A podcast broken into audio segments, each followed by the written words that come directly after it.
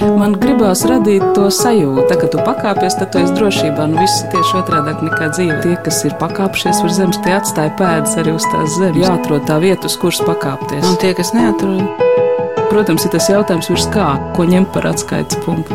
augstāk par zemi. Augstāk par zemi. Augstāk par zemi. Esiet sveicināti! Mans vārds ir Anna Bušvica, un sekojošajā rādījumā vēlos atsaukt jums atmiņā pavasarī piedzīvoto pandēmijas baiļu izraisīto mājās sēdēšanas laiku. Kurš no mums prātās šo laiku aizvadīt visjēdzīgāk? Kādu pašatklāsmes vai radošo jaudu tas no cilvēka spēja izvilināt? Marika Rozenberga, radoša personība, tā viņa iesaka sev pieteikt, jo ir darbojusies gan reklāmas jomā, gan kā tulkotāja. Šobrīd viņas aizraušanās ir smaržu zināšana.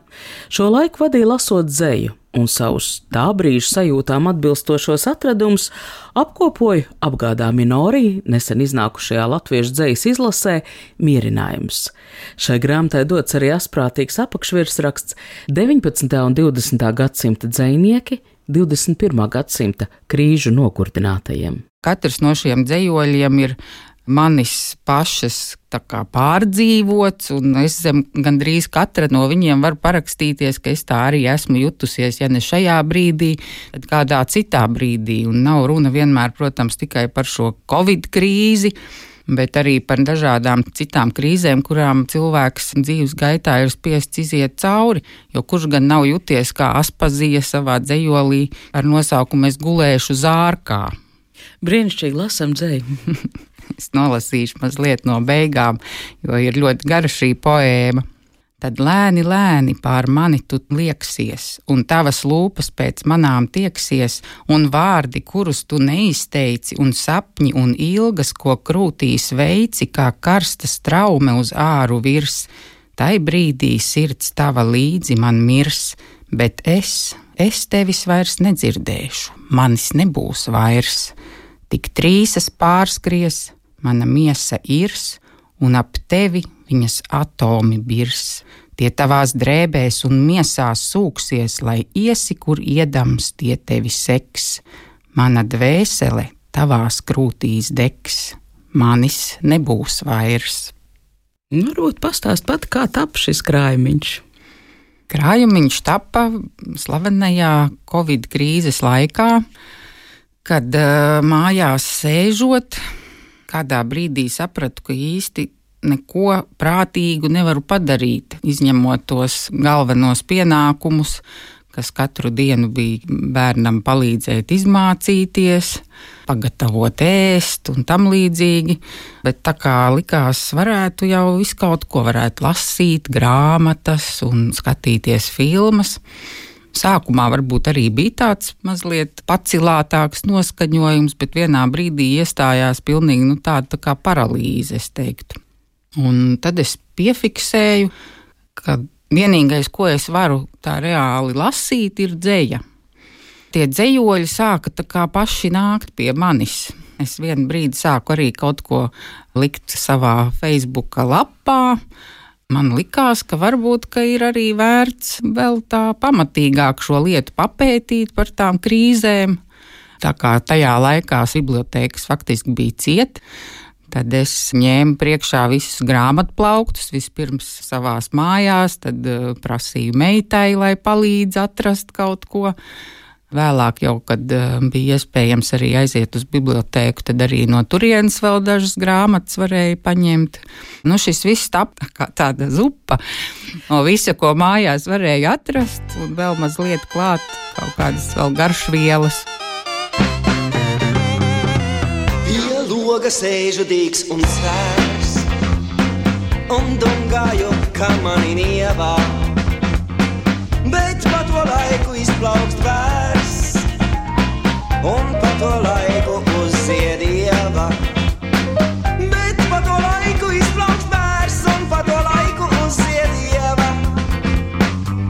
īstenībā sākumā pirmie dzējoļi, kas man uzleca virsū, bija arī no mūsdienu autoriem. Tā kā, piemēram, Mārim Melgalvam ir um, arī brīnišķīgs dzējols, kurš ir arī pērkona dziesma.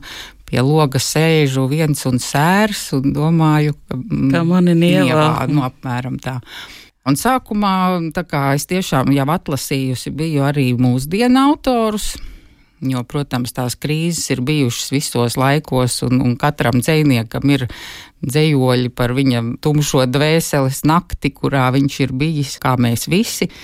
Un tur bija gan rokpelnis, gan tas pats Melngāls, gan Belševica. Bet uh, vienā brīdī es sapratu, ka neiet kopā. Grūti pateikt, kaut kāda noskaņa tur izmainījās stipri starp divām atmošanām šīm. Pats sniedziņš ir no gaisa viris, nu ko lai atbild debesīm?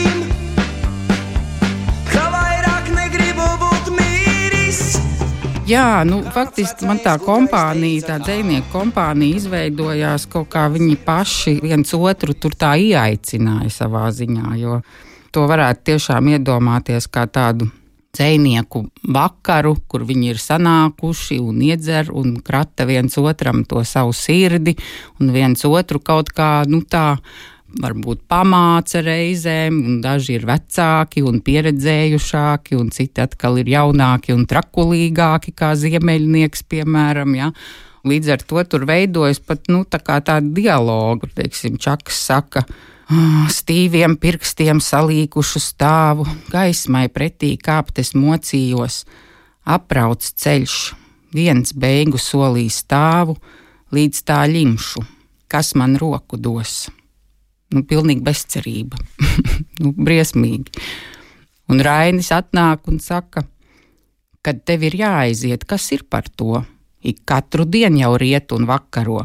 Priekš tevis bijis tā, un pēcāk būs tu viens tik vaimanā, ak, viss nu grūs, ne grūs, nebūs nekas, tāpat viss ies. Nakts rasa lāsiņas pār tevi lies. jo tai pašai aspazijai bija rozes ap galvu, lai valda bija prieks. Bija rozes ap galvu, lai valda prieks. Viss iznīkst, viss zūd, viss dzīvē ir nieks lai mūzika skan un dimd un rūc un koklis, lai saldi kā dūjas dūds. Skrien lapas vējā veldamies, mēs dejas viesuļos griežamies, ņem kausu, ņem sarkano sulu sūdu. Tur bija rozes ap galvu, vispār. Tas ir, tas ir tas brīdis, kad viņi visi saprot, tas ir tas, teiksim, tāds kad pēc tā šoka nāk tas noliegums un vienkārši, lai viss krīt un gāžās, mēs dzersim un dzīvosim un priecāsimies, jā, neņemsim galvā neko ne par krīzi, ne par ko. Un pēc tam, diemžēl, nāk atkal tas paģiru rīts, jā, kur ir. Austras kuģiņa, un kad ja sirds mana būs atkal jāsāk dzīve no gala. Atrodam, atrodam. Jā, šis ir, jā. Pēc bezmiega nakts, vilciens pār tiltu aizejot dun, izgaist apvārsnī zaļā. Sirds laikam atkal no jauna mums, jāsāk būs dzīve no gala. Un, protams, ja tu teiksim, iedomājies, ka, kādas tev asociācijas būtu, ja tev saka, no Annas brigaderes dzēja, teiksim, jā, kur ir mums sprīdītis un maija un paja un visi šie dzīvi apliecinošie pozitīvie tēli. Un tad ir šis Annas brigaderes dzējols šausmas, kurš man patiešām liekas nu, tāds šausmīgākais visā šajā dzējas krājumā, jo tur ir tās briesmīgās eksistenciālās šausmas, ar kurām tev būtībā ir jāstiekas katru rītu. Lūk, tādā krīžu laikā tu to kaut kā vairāk izjūti, tad, kad aptur to rutīnas, visu to automātisko dzīvi. Ja? Nē, šo es nelasīšu, viņš pārāk briesmīgs.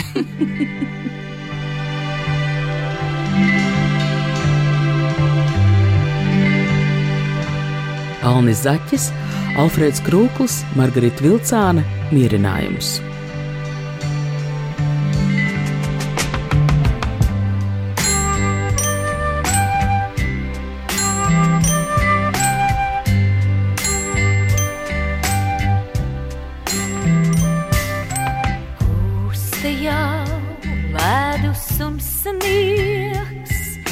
tavās domās kūst. Nāks vēl saule un prieks tevi sveikt.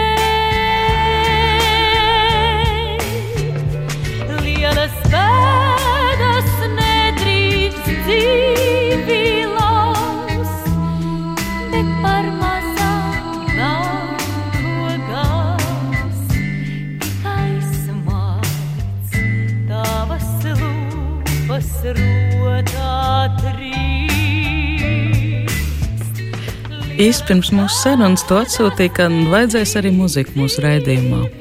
Attiecībā uz trim dziesmām, ko es tev nosūtīju, tām visām ir arī savs sakars ar šo dzīslu krājumu. Tas zāles dziesma, ko Pēters Dragūns ir sarakstījis ar Raņa vārdiem, aiz vārtiem. Tas ir viens no tiem dzējoļiem, kurš atkrita, bet kurš arī vienā brīdī bija iekļauts krājumā.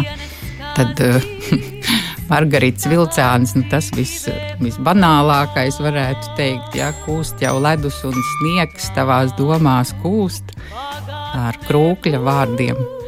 Tas jau pavisam tāds, jā, lielas bēdas nedrīkst dzīvi laust, bet par mazām nav ko gaust. Nu, tas ir, protams, jau tāds vārsmu, tāds diezgan tāds smieklīgs līmenis, bet tāpat laikā dziesmai nosaukums ir mierinājums, un kaut kas tur ir tāds, ka viņi līs tā kā tāds balzāms dvēselē.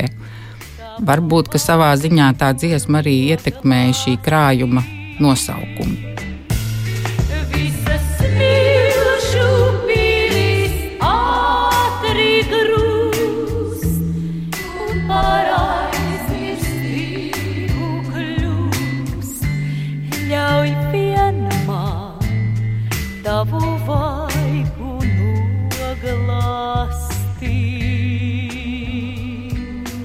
Man kaut kā likās, ka tomēr cilvēkiem tas, ko vajag, ir tas mierinājums un tā cerība.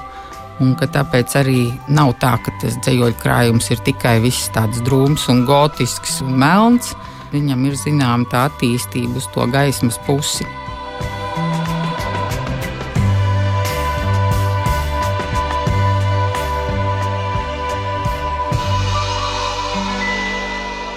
Kas bija ar to trešo? À, trešā dziesma ir arī ar Mirdzas ķempes vārdiem, kas šajā krājumā viņai oriģinālā dzējoļa nosaukums bija Mocards. Dziesmā viņš sauc komponistam, ko Žilinskis ir sarakstījis un Zābers dzied. Es to dziesmu arī atceros no dziļām bērnības dienām, kad rādio viņi bieži spēlēja un kad man, protams, nekas tāds nepatika. Bet tagad es jūtu, ka viņi tomēr diezgan uh, labi to ideju šī dzējoļa ir uh, atklājusi šī dziesma. Skadra sāpes skari vieglam šalkam tu. Manu sirdi dari atkal mirdzošu.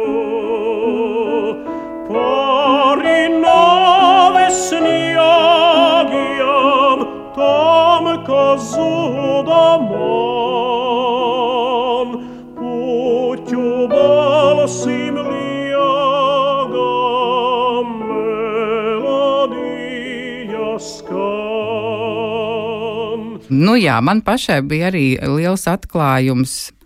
Kārlis Skalbe, piemēram, jo tajā laikā, kad es mācījos padomju skolā, Čaku kaut kā tur mazliet mēs zinājām. Nu, Raini, protams, mēs zinājām. Raina gals un sākums man bija uz nakts galdiņa kopš, nezinu, astotās klases.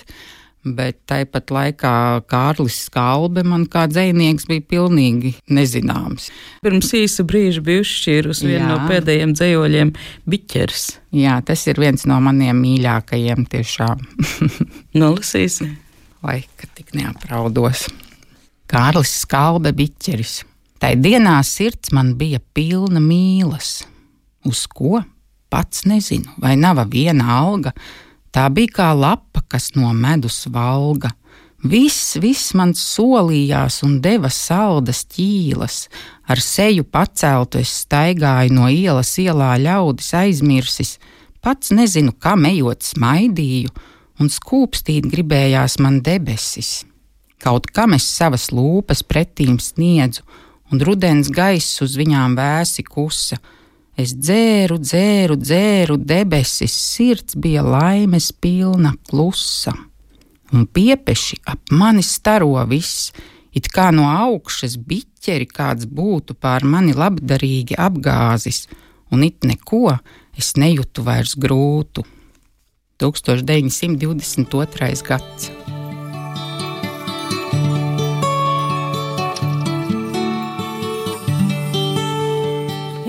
Krūgus aizmirsis un dieva namus arī. Viens klīst un nomalē, kur zeme kūpēt sāk. Pār mani sāli spīd un liecas liepu zari, un vēja pieceļas un silti pretim nāk. Es kājas atloku un viņas grāvjos lieku, kur strāme putojot, kā alus garām skrien. Ar skatu noglāstu es katru sārtos lieku, kas klusi izmojot no zemes pretim lien. Es sajūtu,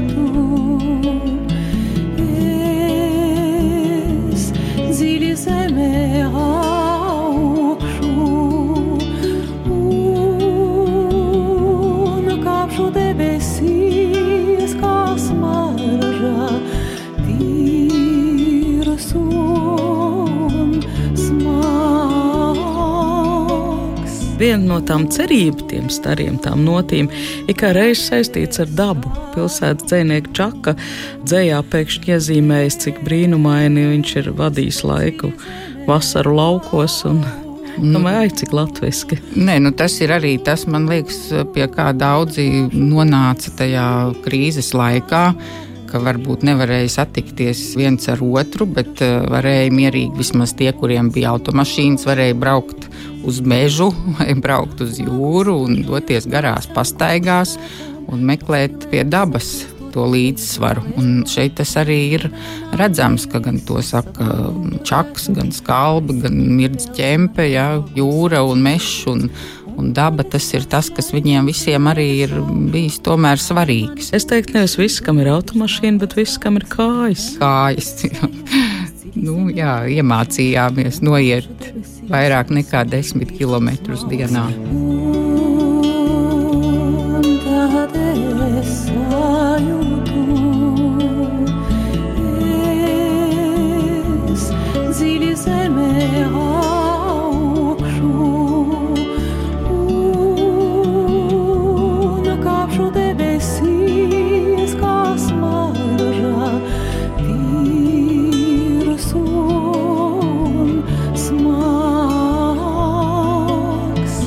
Diezgan pārstāvēta tēma par laivu.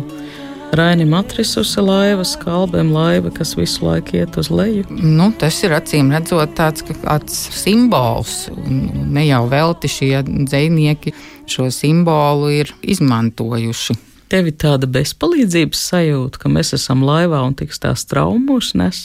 Šobrīd nē, bet To brīdi. to brīdi, to brīdi pilnīgi noteikti bija tā sajūta, ko Rainis pateikšu. Viņš saka, aiz manis nav kas ceļa vēju vēlēs, kas ilgi vēl pēc laivas skatus raidīs, kas minēs vēl jau skarbās svešās mēlēs, un manis priekšā nav, kas manis gaidīs. Nu, tas ir tas brīdis, kad tu esi kaut kur pa vidu un pats nesaproti, kur. Kas tālāk notiks, neviens tev nevar pateikt, un nav ne mazākās nojausmas. Viens kaut kāds te tāds brīdis krājumā ir arī vairāk eh, varbūt veltīts tiem māksliniekiem un dzēniekiem, kuriem arī bija tādas aktuālas tēmas risināmas Covid krīzes laikā. Man likās iederīgs, piemēram, Kārlis Skalbe ar savu četrindi siseņa daļa. Mūsu dzēniekam siseņa daļa, kamēr ir mūža vasara zaļa, dziedot jūsmu laimībā tvīkt, rudeni salstot trūkumā nīkt. Un tu domā, tas atbalsta programmas, jā, Jā, nu tur nāc- kaut kā man arī nāca prātā visas tās fabulas par sienāžiem un skudrām, jā. Kurš bez kura nevar iztikt, un kurš var iztikt, un kurš ir svarīgs, un kurš nav svarīgs. Jā, nu, arī šādas domas. Man sarunbiedri ir Marika Rozenberga, un mēs apspriežam viņas meklējumus dzējā pandēmijas krīzes aptveršanai - latviešu dzējas krājumu mierinājums. grāmatas eh, šī krājuma nosaukumā tiek piedāvāts nu, samērot agrākās krīzes ar tagadējām. Tas ir samērojams, jo no vienas puses, jā, nu, mēs nonācām kaut kādā tādā. Pirmo reizi, ja pirmo reizi jāsēž mājās, pirmo reizi civilizācija ir par kaut ko vienojusies, bet tāpat laikā, nu jā, vai tas ir samērojams ar tām individuālajām krīzēm, ar tām dvēseles naktīm, vai tas ir samērojams ar kara nojausmu, ar Mm, nu, protams, ka tas viss atduras pret nāvi faktiski, cik tuvu ir tā kaulainā pietuvojusies. Jā. Nu, katrā ziņā šī grāmata, man liekas, ir tāda, kas var noderēt jebkuros krīzes brīžos. Nu, galvenā doma ir tā, ka man gribētos, lai cilvēki neaizmirst tik drīz tās sajūtas, kuras viņi izjūta tajā krīzes laikā. Es negribētu, lai tā krīze atkārtotos bet katrā ziņā nevajadzētu to visu tā kaut kā veikli paslaucīt zem paklāja un izlikties, ka nekas tāds nav bijis un vairs nebūs, un viss ir labi, un dzīvojam tik tālāk nost. Un šis ceļu krājums, manuprāt, to var atsaukt atmiņā un atgādināt, ja, kas ir tās lietas, kas nemainās.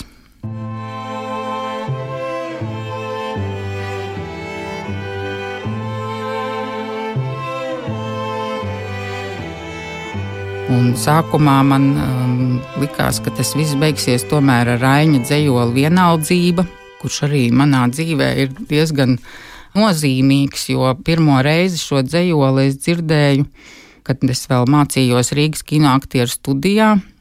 Mums bija pasniedzēja Lidija Stiebra, brīnišķīgs pedagogs un arī aktrise.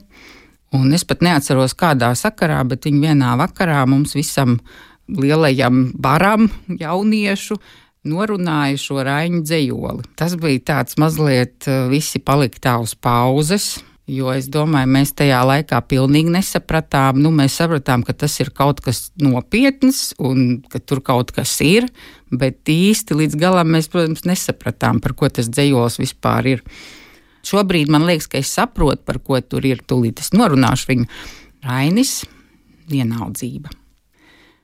Tikai vēsā vienaldzība dos tev sirdī pilnu mieru, kura dzinies straujā kaislē. Vēl ir rūkums tavā sirdī, vēl ir skarbums tavā domā, vēl ir niknums tavā balsī, sāpes vēl tev aizskar miesas, sirds par sevi iežēlojas, acis novēršas no zvaigznes, pērsies zvaigznē rimsti sevī, tuvu lielā vienaldzība kurā sākas lielā dzīve. Vērsies zvaigznēm, sevi.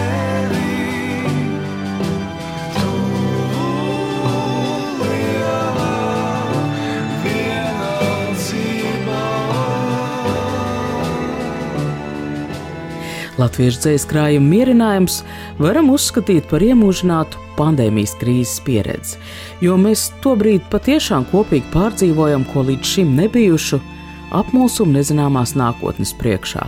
Kāds varbūt pilnā nopietnībā no jauna izvērtēja savas attiecības ar iespējamu nāvi, taču grāmatas mierinājums tapšanu varam sasaikņot arī izdevniecības Aminorī darbības kontekstā. Ar Aminorī zīmolu grāmatas iznākt sāka 2018. gadā, un kā pirmā iznāca ļoti grezna, arī Mariks Rozenbergs veidot grāmata Sarunas ar Juru Jurjānu.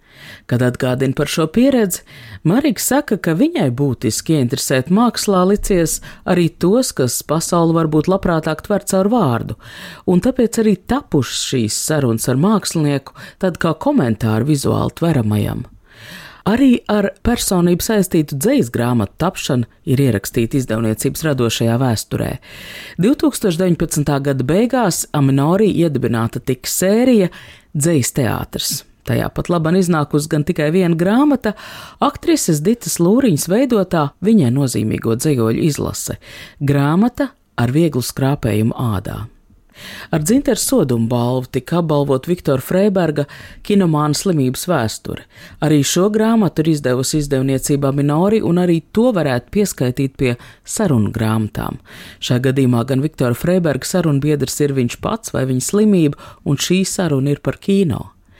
Mariks Rozenbergas patreizējā aizraušanās ir smaržu pasaule, un sadarbībā ar meitu Lotte Vilmu Vītiņu tapusi bilžu grāmata bērniem Dzēnieks un smarža šogad novērtēta ar Jāņa Baltvilku balvu. Tas, ko es tevi apbrīnoju, cik dažādā veidā tu tver pasauli, gan caur vizuālo, gan caur vārdu, gan caur smaržām, kas laikam ir joprojām būtiska tavas dzīves, pasaules uztveres daļa kādu vietu visā tajā nu, ieņem dzēja, nu, tīri tās garšas īpašības, ja tu varētu raksturot.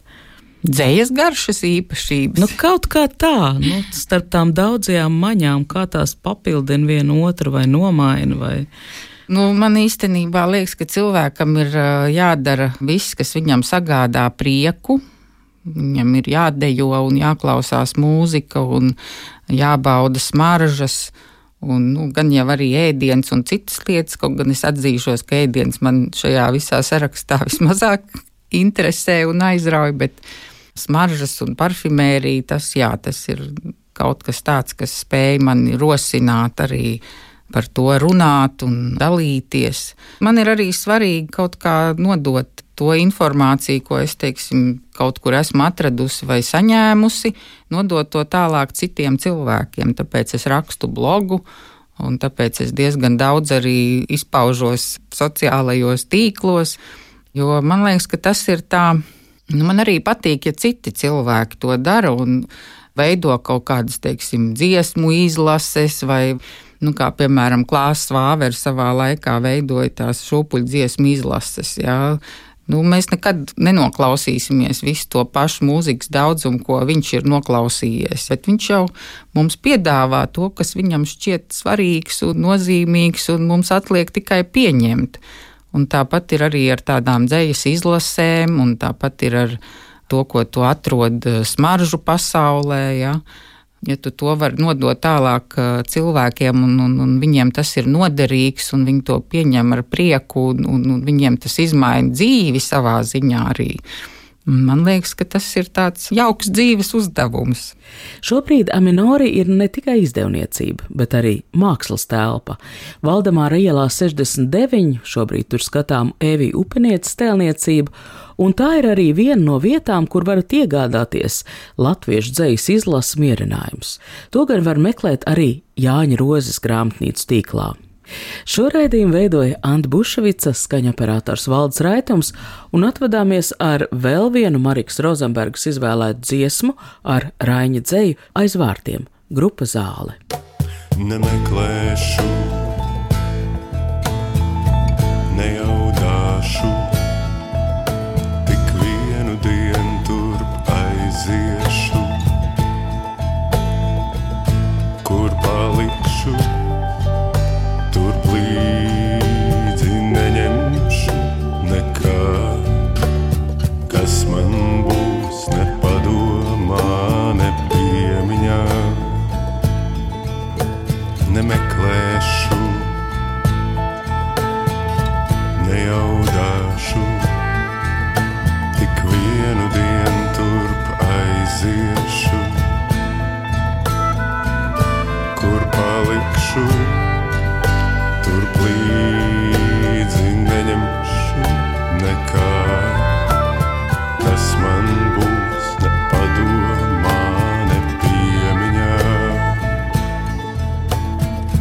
Nezinās prāts, ko zināja, neprasīs sirds, ko mīlēja, kas izgaisa,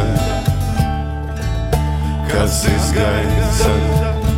Neatcīplakstiens, nedrēbēs, kas kur vai pakaļ noskanēs. Aus nedzirdēs aizsliežams, būs palicis, es būšu vārtos iegājis, kā nevis, kā nevis, kā nevis, kā nevis. Es